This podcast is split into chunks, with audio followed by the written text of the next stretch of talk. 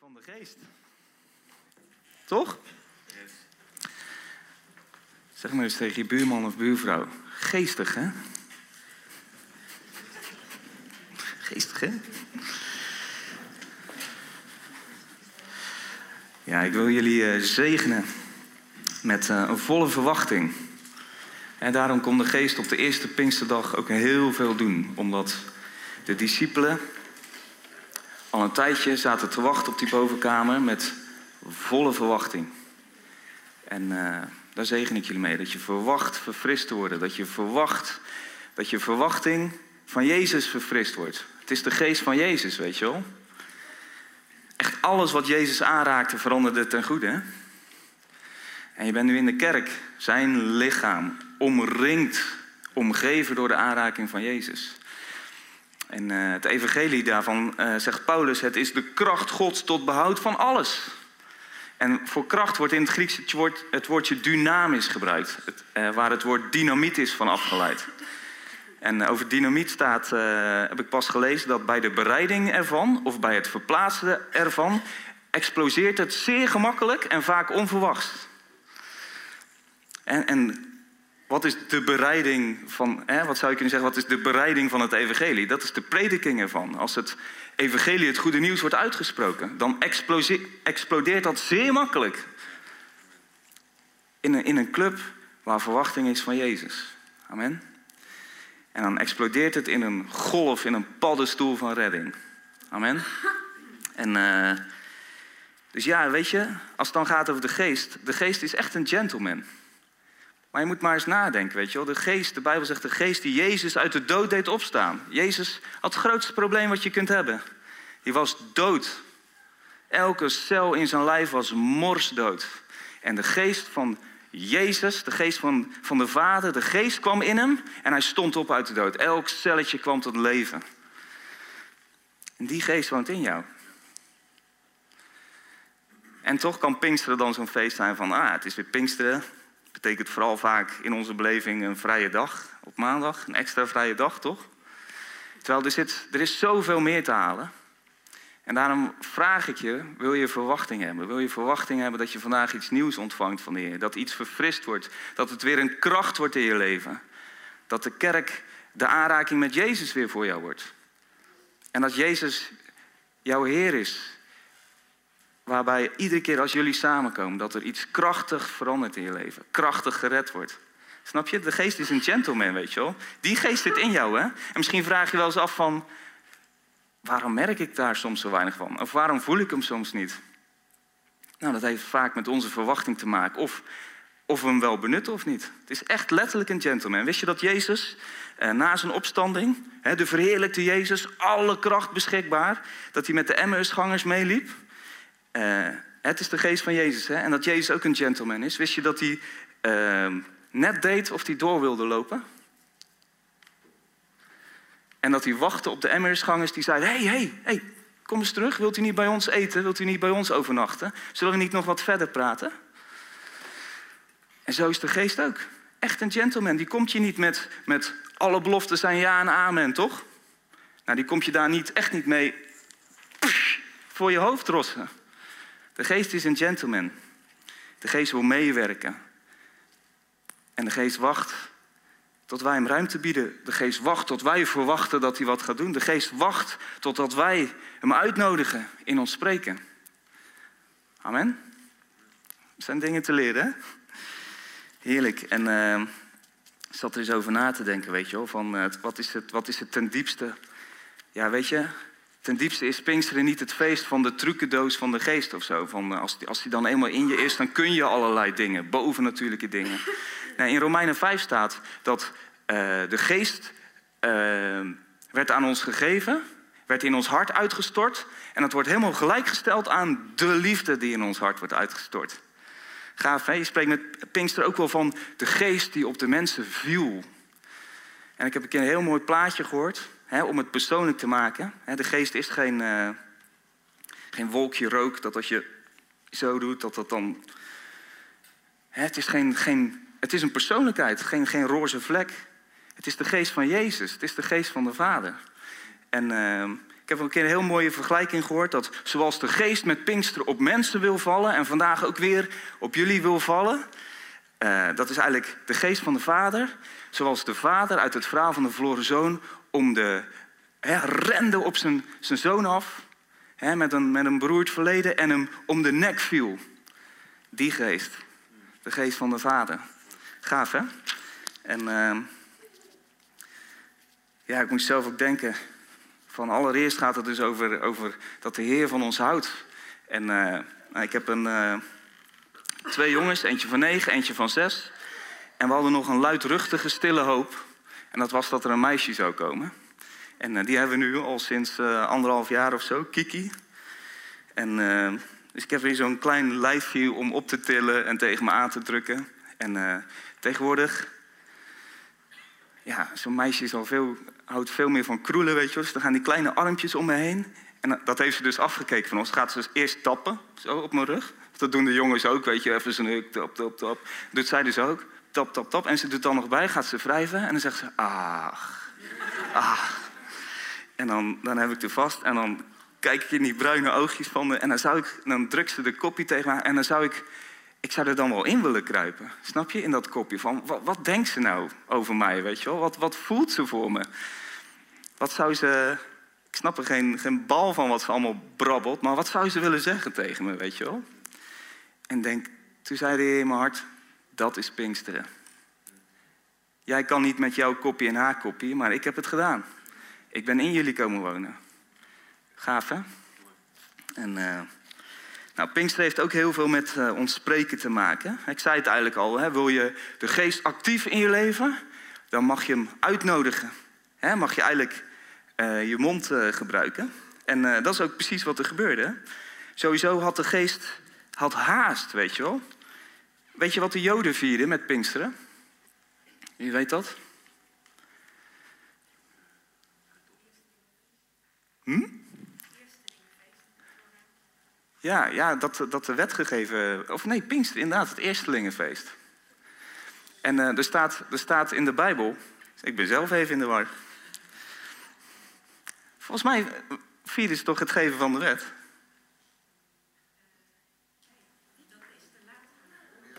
Wat zeg je? Dat is? Dat is er later aan verbonden. Kijk, nou, het heeft dus wel wat met, elkaar te maken.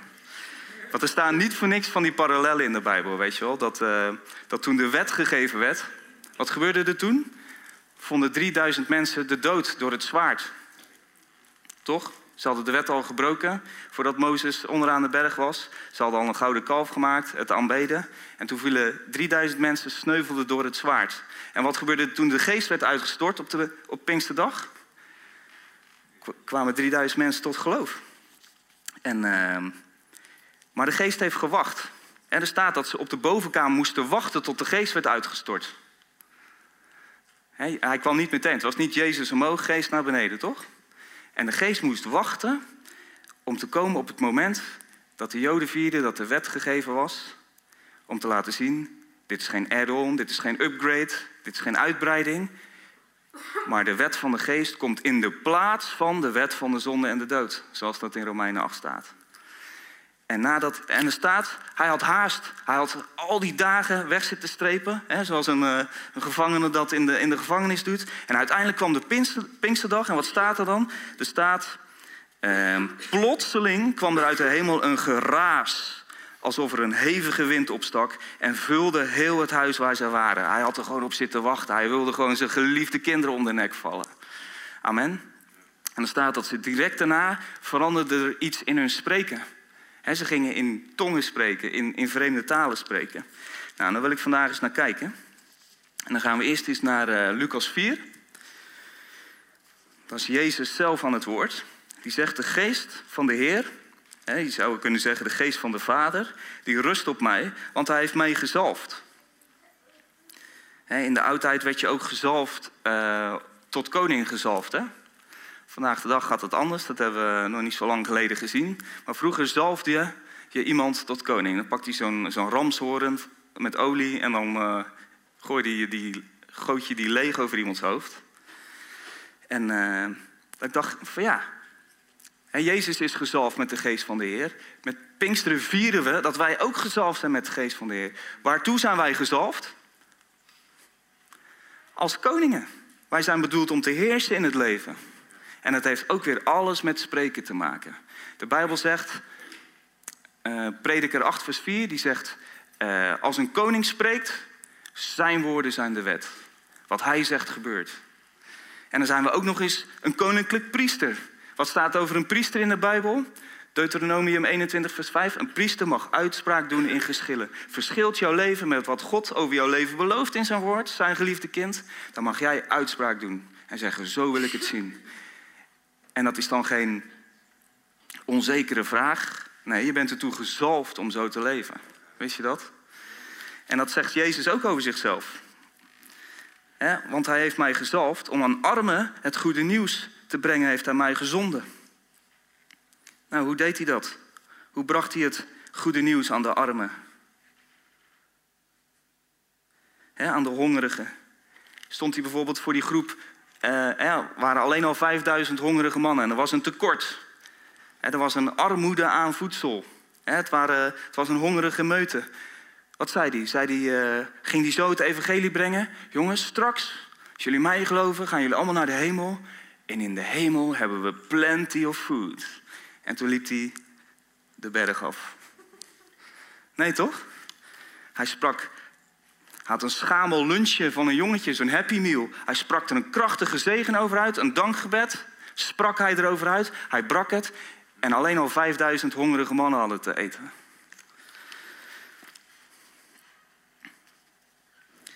Er staat dat hij aan gevangenen hun vrijlating bekend maakt. Nou, hoe deed hij dat bij Lazarus? Die, was zelfs, die zat in de ultieme gevangenis, de gevangenis van de dood. Wat zei hij tegen Martha en tegen Maria? Zei hij, ja, straks op de laatste dag, de dag van de opstanding van de doden, dan zal jullie broer Lazarus uit de dood opstaan. Bracht hij zo het evangelie?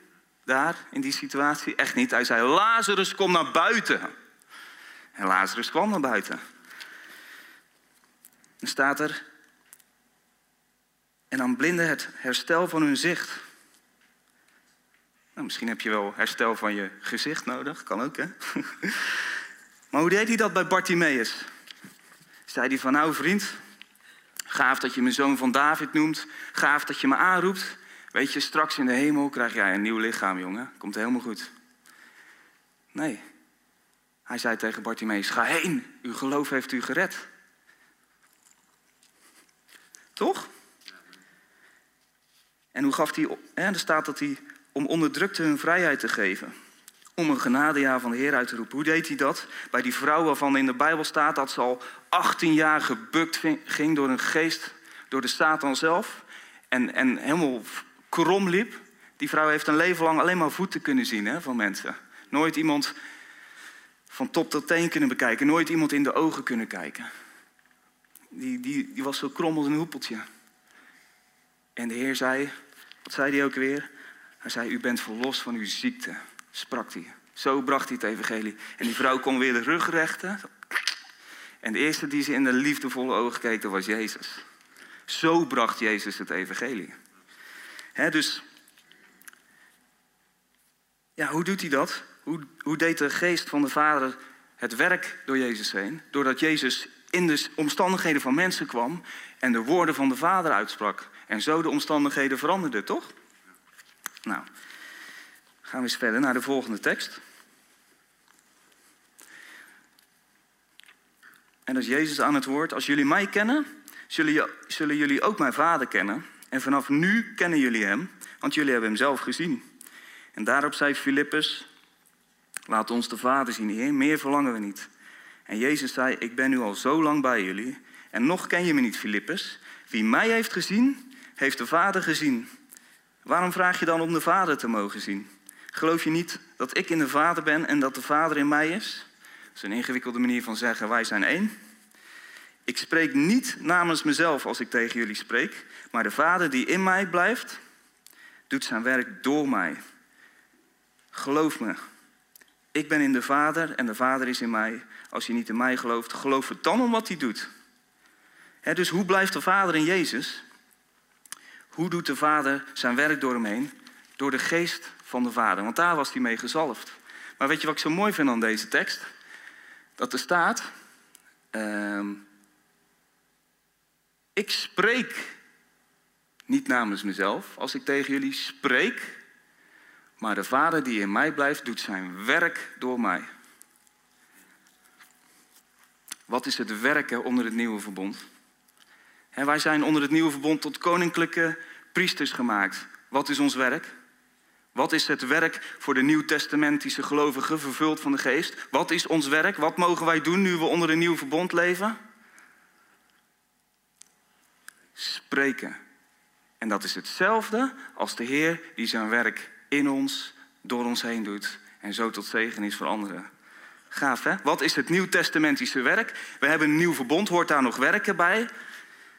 Ja, het is wel heel anders geworden, maar er hoort nog wel wat bij. We hebben een verantwoordelijkheid. Weet je wat onze verantwoordelijkheid is? Het evangelie brengen. En het evangelie over ons eigen leven. En dat van geliefden en de mensen om ons heen uitspreken als een koninklijk priester. Dat is ons werk onder het nieuwe verbond. Leuk toch? En dan zegt de Heer, en dan ga ik daar kracht aan verlenen.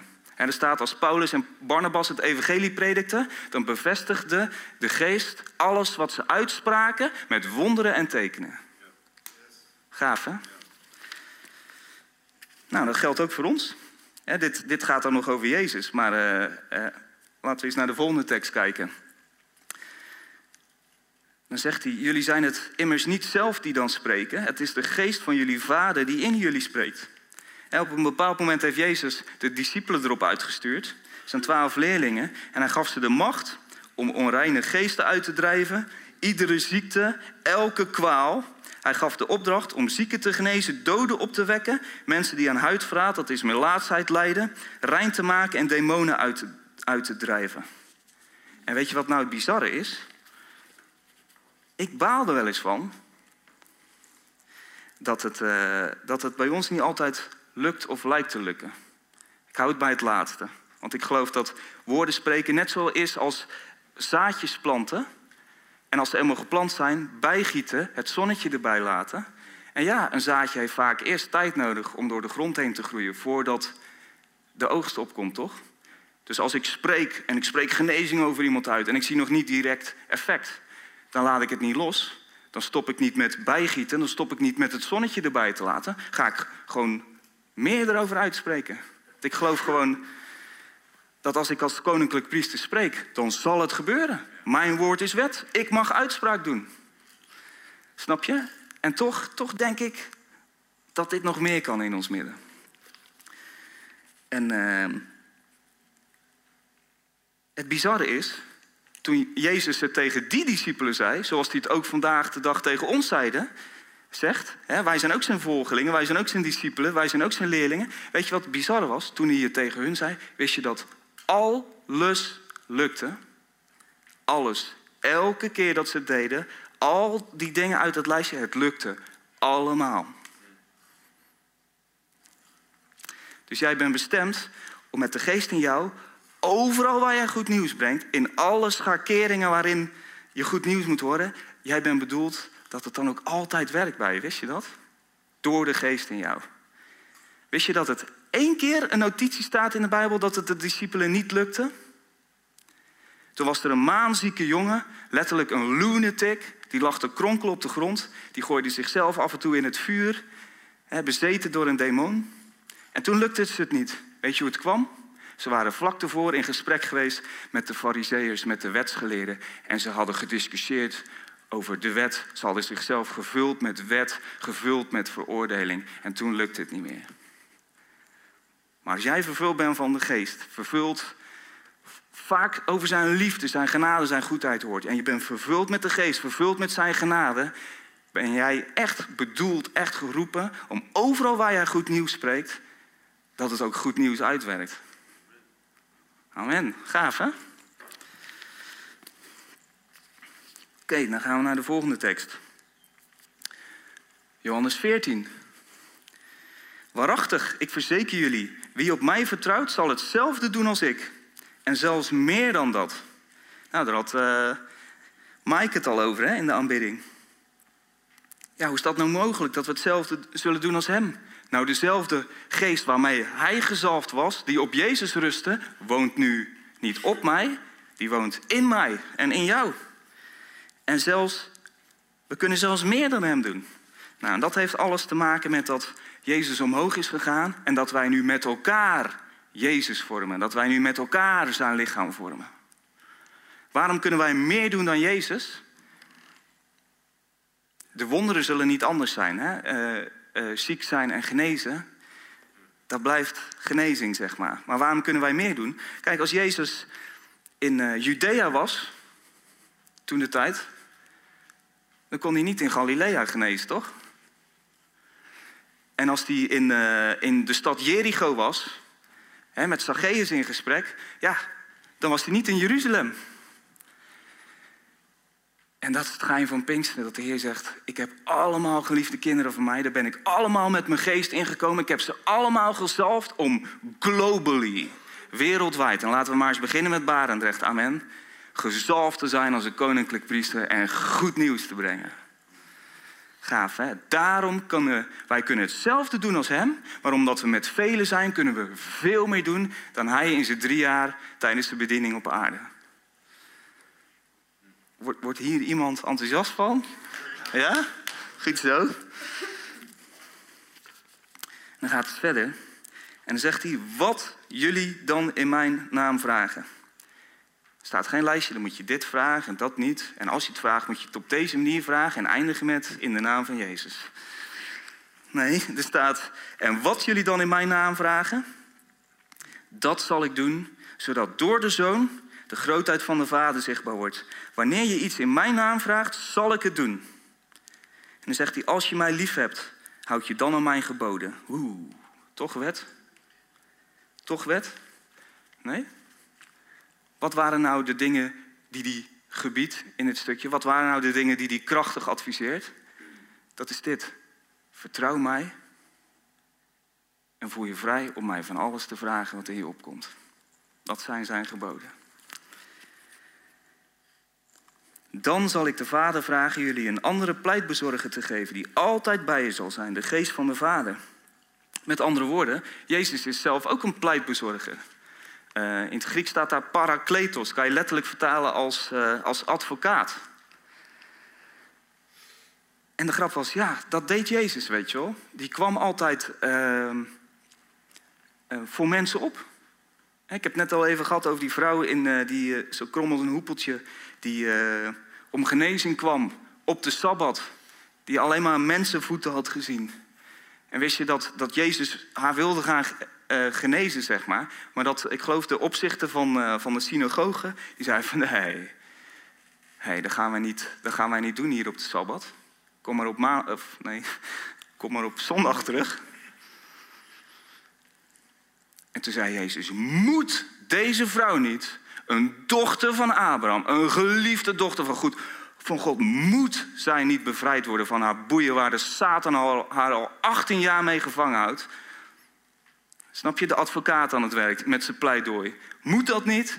En er was geen, geen vraag, het was retorisch. Er kon alleen maar opkomen, het antwoord opkomen, ja, dat moet. En toen genaste hij haar.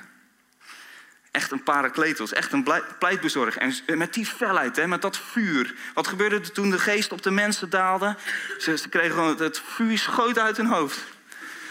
Nou, dat vuur, die kracht van de geest, die woont in jou. Ik doe dat wel eens. Uh, ja, ik heb ook twee jongetjes en die houden dan weer meer van stoer. Dus uh, dat vraag ik ze wel eens. Hè. Dan vraag ik twee vuistjes doen we dat. Wat heb jij in Jezus' naam? Autoriteit, zeggen ze dan. Weet je wel? En, uh, en, en wat ben jij dankzij Jezus in jou? Pap, ik heb kracht. En dan, nou, dat jongens. Weet je wel? Dat is bedoeld om Pinksteren te zijn. Om, om, om weg te gaan met, man joh, ik kan het leven aan en ik kan jouw leven ook aan, zeg maar. Toch? Een andere pleit bezorgen. En het mooie is, hij zal altijd bij je zijn, de geest van de waarheid. De wereld kan hem niet ontvangen, want ze ziet hem niet en kent hem niet. Jullie kennen hem wel, want hij woont in jullie en zal in jullie blijven. Ik laat jullie niet als wezen achter. Ik kom bij jullie terug. Dat ik ook dacht van, ja, het is ook mooi hoe dat er staat. Hè? Het is geen, uh, hij zegt niet, jullie worden niet als wezen achtergelaten. Hè, Jezus ging weg. Hij ging echt weg. Hij ging naar de hemel. Maar hij zegt, ik, ik, ik Jezus, ik, zoon van de Vader. Eigenlijk is Jezus de Vader zelf, toch? Die zijn één. Ja, er staat ook in Jezaja 9, die tekst die we met uh, kerst vaak herhalen. Hij is uh, de vredevorst, hij is de, de, de wonderbare raadsman, hij is de zoon, hij is de eeuwige vader. Hij zegt, ik laat jullie niet als wezen achter, ik kom bij jullie terug. Dus wat is er gebeurd toen wij de geest ontvingen? Toen kwam Jezus bij ons terug. Toen kwam de Vader in ons wonen. En die kan vanaf nu, ja, niet meer als een externe kracht, maar hij kan van binnenuit voor ons zorgen. Hij kan van binnenuit ons beschermen. Hij kan van binnenuit ons zegenen. Dat is toch gaaf? Toch? anders, anders praat ik mezelf gewoon blij hoor vandaag. De volgende tekst. Johannes 16. Werkelijk, het is goed voor jullie dat ik ga. Want als ik niet ga, zal de pleitbezorger niet bij jullie komen. Maar als ik weg ben, zal ik hem zenden. Ja, dat ik ook nog dacht van, uh, weet je, wij zijn dus geroepen om uh, door de geest, door de geest van de Vader, het evangelie uit te spreken over ons leven, over het leven van onze geliefden, over het leven van de mensen om ons heen. En Jezus vraagt twee dingen. Die zegt, doe dat. En terwijl je dat doet, vertrouw op mij. En dan vind ik het zo mooi om te... Ja, dat is hier vaker ook verteld. Hè? Hoe, hè, wat is nou vertrouwen? Hè, wat is nou geloof? Hoe, hoe komt dat eigenlijk? Nou, dat hebben we hier al vaker besproken. Dat komt, geloof komt door te horen. Geloven komt door over het woord van Jezus te horen. En wat moet je over Jezus horen? Over zijn liefde. Galaten 5 vers 6 zegt dat het zijn liefde is die het geloof zijn kracht verleent. Nou, dat is dus niet zo moeilijk. Gaan, meer en meer gaan vertrouwen op Jezus, op de kerk, op zijn, op zijn woord. Dat is gewoon een kwestie van weten waar er goed nieuws klinkt en daar gaan zitten en daarna luisteren. En dan staat er ook nog eens, hoe komt dan geloof? Hoe groeit dat dan in ons? Gelaten 5 zegt ook, het is een vrucht van de geest.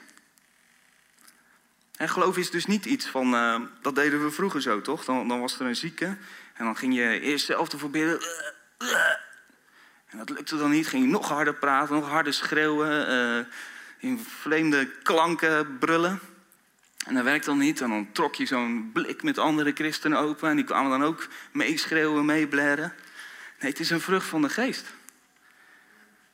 Een gentleman die in mij woont. En die wacht tot ik ga spreken als een koninklijk priester. Oké ik heb nog even. Ga ik nu toewerken naar, uh, naar meneer. Hè, ik denk dat vaak op deze manier spreek al. Hè, uh, teksten kennen, uh, Gods woord op je lippen nemen. vrijmoedig woorden van de Heer over, over jezelf, over je geliefde, over andere mensen uitspreken. Dat is al vaak al wennen voor ons, hè? om buiten dit gebouwtje dat te doen, zeg maar. Maar er is nog meer. En dan wil ik eerst naar Johannes 14. Rap in de pap, man. Uh. Jij beamert sneller dan je schaduw. Uh. En zegt Jezus, dat is eigenlijk in datzelfde gesprek dat hij zegt van... alles wat ik zeg, zeg ik namens de Vader. En als ik namens de Vader spreek, zo doet de Vader zijn werk door mij. Dat gebeurt eigenlijk in hetzelfde gesprek. En vlak daarvoor gebeurt dit. En dan staat er zegt Jezus, jullie kennen de weg naar waar ik heen ga. En zegt Thomas, weet u niet eens waar u naartoe gaat, Heer? Hoe zouden we de weg daarheen dan kunnen weten? En dan zegt Jezus, ik ben de weg, de waarheid en het leven. Niemand kan bij de Vader komen dan door mij.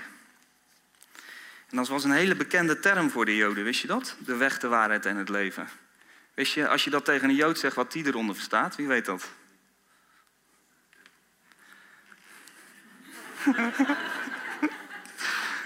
Gaat ook weer over, over de tempel. De weg Dat was de voorhof. En het heilige gedeelte van de tent, van de tabernakel, dat was de waarheid. En uh, het heilige der heiligen, dat noemden ze het leven. Nou, dan stond er ook een. Uh, in die tempel stond, stonden allerlei dingetjes, maar er stond ook een reukofferaltaar. Het reukofferaltaar staat beeld voor ons spreken eigenlijk, onze gebeden. Wie weet waar het reukofferaltaar stond? In het Oude Testament. Ja, in het Heilige. Nog even een check.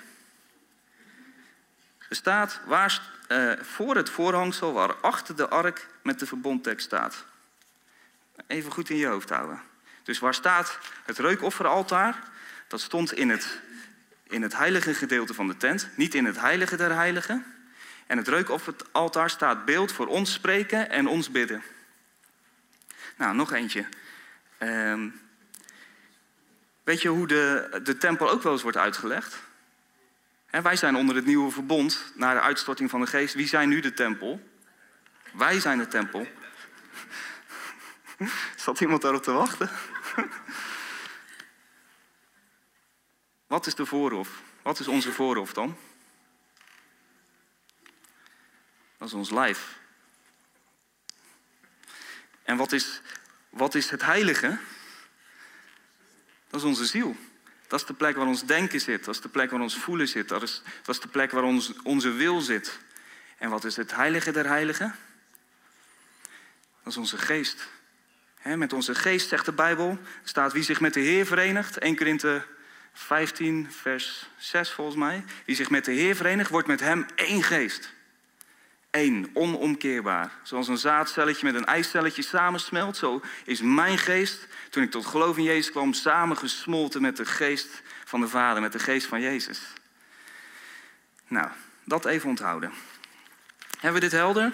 Dus in, in tempelpraat, tempelsetting, uh, voorhof, het heilige, het heilige der heiligen, dat is de weg, de waarheid en het leven. Als het gaat over ik als tempel, is het lichaam, ziel en mijn geest. Helder? En onder het oude verbond stond het reukofferaltaar in het midden, zeg maar, in het heilige. Helder? Even, even een geheugenoefeningetje tijdens de preek. Gaan we verder. Gaan we naar 1 Korinthe 14. Dit onthouden, hè, wat ik net heb uitgelegd. Dan staat, wanneer ik namelijk in een klanktaal bid, bid ik weliswaar met mijn geest, maar doe ik niks nuttigs met mijn verstand. Dus er is een taal, dat noemen we ook wel tongentaal, dat noemen we ook wel klanktaal. Uh, je geest is dan heel actief, maar je verstand begrijpt er geen bal van wat je zegt. Je, er staat letterlijk, Paulus zegt, ik doe gewoon compleet niks nuttigs met mijn verstand als ik in een klanktaal bid. Nou, dus het is eigenlijk heel handig. Want dat betekent dus, Paulus zegt dus heel vaak, je kunt de hele dag door bidden, wist je dat? Doe dat zoveel mogelijk, zegt hij. Doe dat de hele dag door. Nou, het zweet brak me altijd uit vroeger. Van hoe doe je dat in vredesnaam? Ik moet ook nog werken, toch? En nu blijkt opeens, het kan echt. Er is, er is een manier van bidden. Dat doet, mijn, dat doet mijn geest. En ik doe niks nuttigs met mijn verstand. Dat betekent dat ik mijn verstand voor andere dingen kan gebruiken. Nou, ik doe dat dus heel vaak. Ik moet wel oppassen. dus als dit een beetje een levensstijl wordt, dan kun je zomaar eens bij de koffieautomaat op je werk staan. En ja, ik doe dat niet hardop dan, maar dan sta ik een beetje in mezelf te praten. En dat mensen. Ik heb wel eens gehad dat zo'n man zo naast me zo stond, zo. Gaat goed? Ja, nee, gaat heel goed. Hey, heb je Ajax gezien de afgelopen zondag? Weet je wel. dat is een verkeerde voorbeeld hier. Hè? Ik ben pas bij de vijand geweest met mijn vader. Ik, ik, zit in een metanoia-proces. Weet je, ik ben als Ajax-ziet opgevoed en ik ben uh, een paar keer bij Feyenoord geweest en uh, de, de, sfeer beviel me wel. Want mijn vader nodigt me uit om met Mirik, mijn oudste zoon, naar de laatste wedstrijd gaan. Dordrecht-Ajax. dus. Maar ik ga even verder.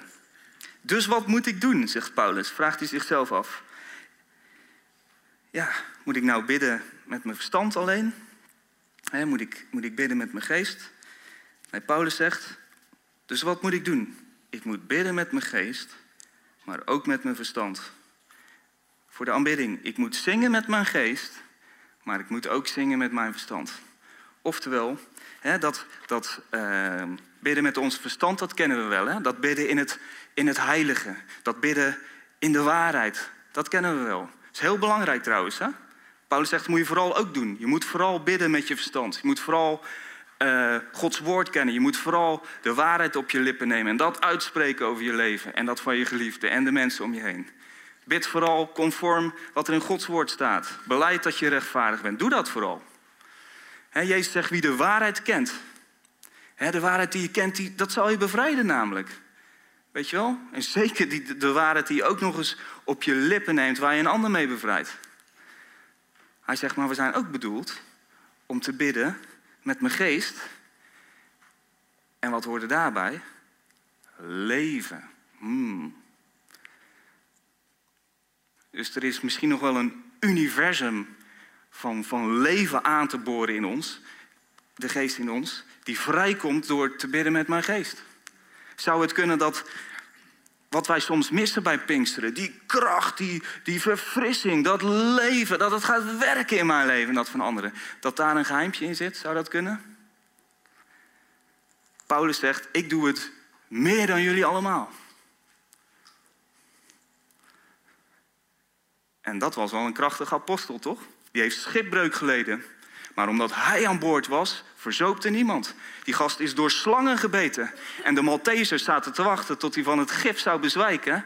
Maar hij stond op en vertelde even nog wat meer evangelie. Hij werd gestenigd in Efeze. De Efeziërs lieten hem voor dood achter. Hij stond op, stof van zijn schouders... en liep terug de stad in om het evangelie te preken. Oeh, that's life. Toch? Dat is gaaf. Ik denk dat het hiermee te maken heeft. Nou, gaan we. Waar stond het reukofferaltaar ook alweer? Het heilige. Wie was er super op de hoogte van de tempelconstructie? Paulus, toch? Moet je eens kijken naar Hebreeën, 3, uh, Hebreeën 9. Achter het tweede voorhangsel, oftewel het heilige der heiligen, bevindt zich de tent die het Allerheiligste genoemd wordt. Daar staan het vergulde reukofferaltaar en de ark van het verbond. Echt, als een Jood dit zou horen, die zegt: Paulus, you're nuts. Maar Paulus laat even zien hoe, hoe de tempel er onder het nieuwe verbond uitziet. Onder het nieuwe verbond, wie zijn de tempel? Zijn wij. Weet je wat Paulus doet? Weet je? Er is een aspect veranderd als het gaat om het spreken en het bidden als nieuwtestamentische gelovige. En hij pakt het reukofferaltaar, zie het maar als een koffiekarretje met wieltjes. En hij rent het een doekje verder, zeg maar. Bizar, hè? Hier hebben echt Bijbel-experts zich gewoon, en misschien Marianne ook wel, zich over gebroken. Weet je, van, dit klopt gewoon niet. Nee. Ook dat? Nou, dus ik krijg gewoon spontane openbaring hier. Ja. maar gaaf, hè? Ons bidden is bedoeld. Wat moeten wij nu doen? Wat kunnen wij vandaag nu leren? Is het, moet ik dan niet meer bidden met mijn verstand? Vooral doen. Ik denk dat wij kunnen leren dat we dit nog veel meer kunnen benutten. En want wat is er nou zo mooi aan? Als, uh, het is heel goed om je om je hart te luchten? Om, je, om je zorgen te uiten, om je, om je hart even te luchten. Een luisterend oor te vinden, zodat we daarna weer elkaar het evangelie kunnen brengen. Maar weet je, de duivel hoort ons ook heel vaak praten. Snap je?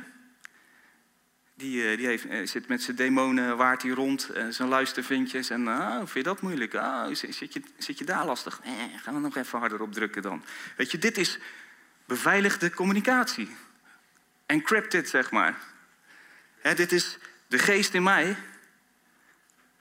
de geest van Jezus, die, die met de hemel praat, met de Vader daarboven. De geest in mij, die, uh, ja, als ik alleen met mijn verstand bid, dan kan ik alleen bidden vanuit wat ik begrijp. Kan ik alleen bidden van wat ik denk dat ik nodig heb. Kan ik alleen bidden van wat ik denk dat jullie nodig hebben. Kan ik alleen bidden Snap je? Maar de geest in mij weet precies wat ik nodig heb. Die weet, die daar precies de woorden aan te geven. Doen dat met 100% begrip, 100% wijsheid, 100% inzicht en kennis. En ook nog eens met 100% geloof. Oh man, wat is het lekker om daar achter te komen dat er een manier van bidden is dat gewoon de Heer door je heen praat. En uh, ja, de Bijbel zegt, daar, daar zit leven, daar zit verfrissing, staat er zelfs in, uh, in de Jezaja-brief.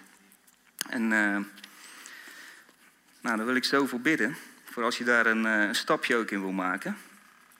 En, en dan, wil ik, mag de aanbidding ook komen. Dan wil ik afsluiten met de laatste tekst. Er staat in Romeinen 8, er staat de wet van de geest die in Christus Jezus leven brengt. En er staat in het Grieks staat daar het woordje zoe. Dat gaat niet over leven, een life of mediocrity, een middelmatig leven. Nee, dat gaat over goddelijk leven. Zoe, zoe leven. De wet van de geest die in Christus Jezus leven brengt, heeft u bevrijd van de wet van de zonde en de dood. Nou, dat voorbeeld gaf ik net al. Hè. Toen de geest werd uitgestort, kwamen er 3000 mensen tot leven, tot geloof. En toen de wet van Mozes, de wet van de zonde en de dood, die heet niet voor niks zo, toen die werd gegeven, vonden 3000 mensen de dood. Maar wat is nu de wet van de geest?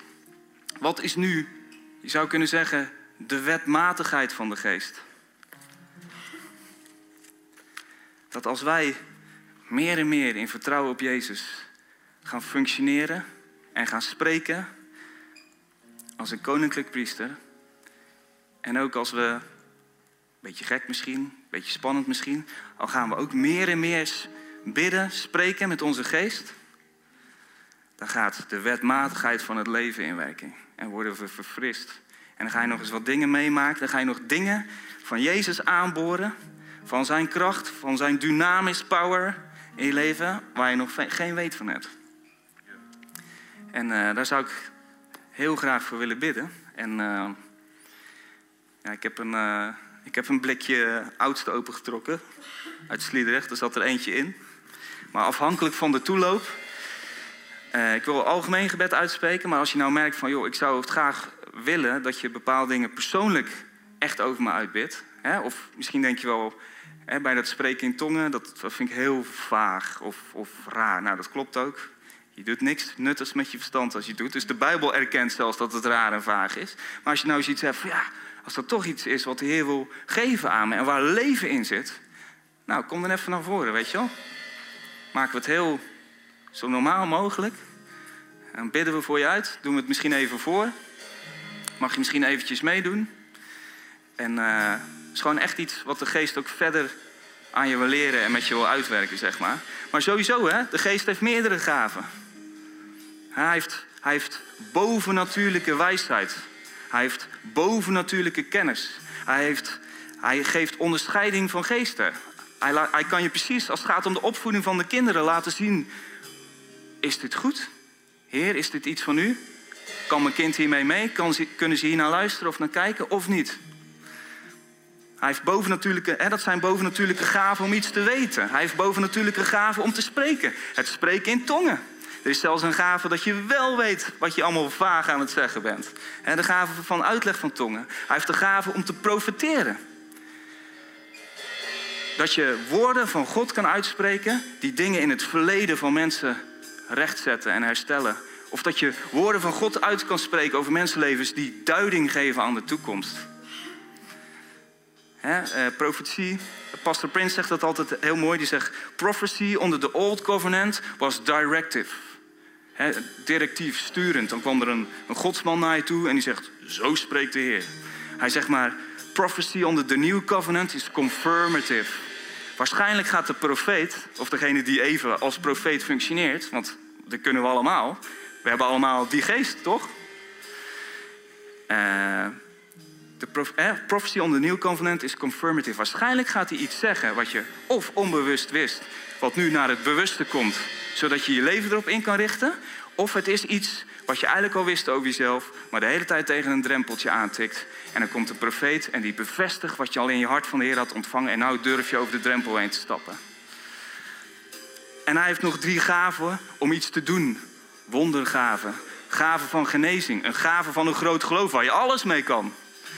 En de gave om wonderen te doen.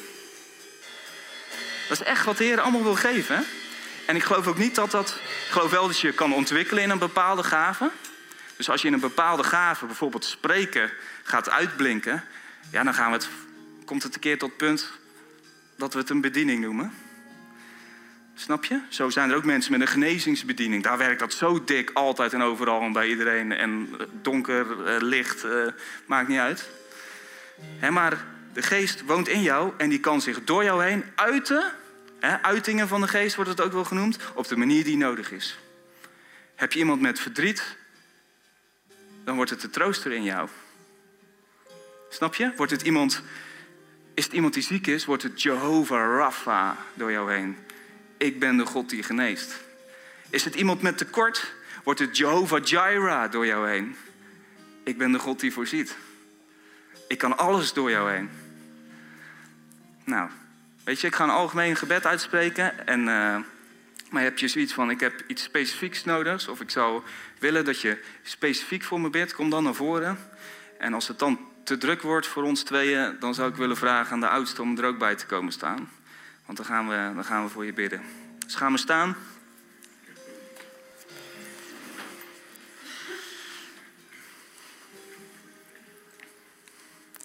En de geest is een gentleman, weet je wel. De geest.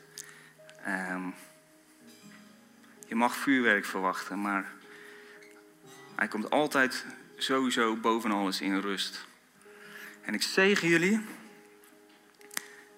Sluit je ogen ook maar eens. Weet, stel je gewoon eens voor dat, dat, je, dat je eigenlijk met, met een bom van binnen loopt. Dynamite, dynamite power. En die combinatie, joh. Echt liefde, volmaakte liefde, onvoorwaardelijke liefde, gecombineerd met, met ultieme kracht. Dat was zo, dat maakt de majesteit van Jezus, weet je wel. Dat hij uh, altijd oprecht en 100% bewogen kon zijn met mensen. Echt kon meehuilen, meevoelen. Uh, volle liefde voor ze voelde. Maar dan nooit hoefde af te druipen om het daarbij te laten. Hij had ook de dynamite power van de geest in zich. Om elke situatie waar hij daarvoor nog tranen over had gelaten, om dat ten goede te keren. En ik zegen jullie met meer van de geest, met meer bewustzijn van dat Hij in jou woont. Dat Hij allereerst tegen jou wil praten, met jou wil praten. Praat met de Heer. Fluister als je alleen bent. Praat dat oor tegen Hem als je in de auto zit. En weet dan dat de Heer in jou woont en terug wil praten. Doet hij vaak niet eens per se met woorden, maar met richting, met rust voelen bij een bepaalde keuze. Blij worden van iets wat heel gek is, wat helemaal niet zo voor jou is. Dat je opeens blij wordt van iets om te doen. Misschien ben je wel helemaal niet zo'n kaartenstuurder en opeens word je, krijg je het op je hart om iemand een kaartje te sturen. En word je daar heel blij van om te doen, terwijl je er eigenlijk een gruwelijke hekel aan hebt, normaal gesproken. Hè? In het vlees. Zo praat de Heer tegen jou door zijn rust en vrede. En ik zegen je dat je moedig bent en vrijmoedig om te gaan spreken over zijn evangelie. Met verwachting. Over je eigen leven, dat van je geliefde en de mensen om je heen. En weet dan dat de geest, net zoals op de Pinksterdag, plotseling zomaar erin kikt. Met geraas en kracht. Om te volbrengen wat jij hebt uitgesproken. En zo, zo schiep God de wereld, hè? Zo schiep God de wereld. De geest zweefde over de wateren. En ik geloof dat de wateren in dat plaatje een beeld van Gods woord is als water. En Gods woord, God nam de woorden op zijn lippen en de geest maakte het. En zo ben jij bedoeld om te leven. Gods woorden op je lippen te nemen en de geest maakt het werkelijk uit. De geest schept het. Dat is waarom woorden scheppingskracht hebben. Dat is Hij in jou, in Jezus' naam. Nou, ik ga gewoon met mijn gezicht naar het podium aanbidden. Maar wil je, wil je persoonlijk gebed, kom dan even naar voren. Dan, uh, dan bidden we voor je.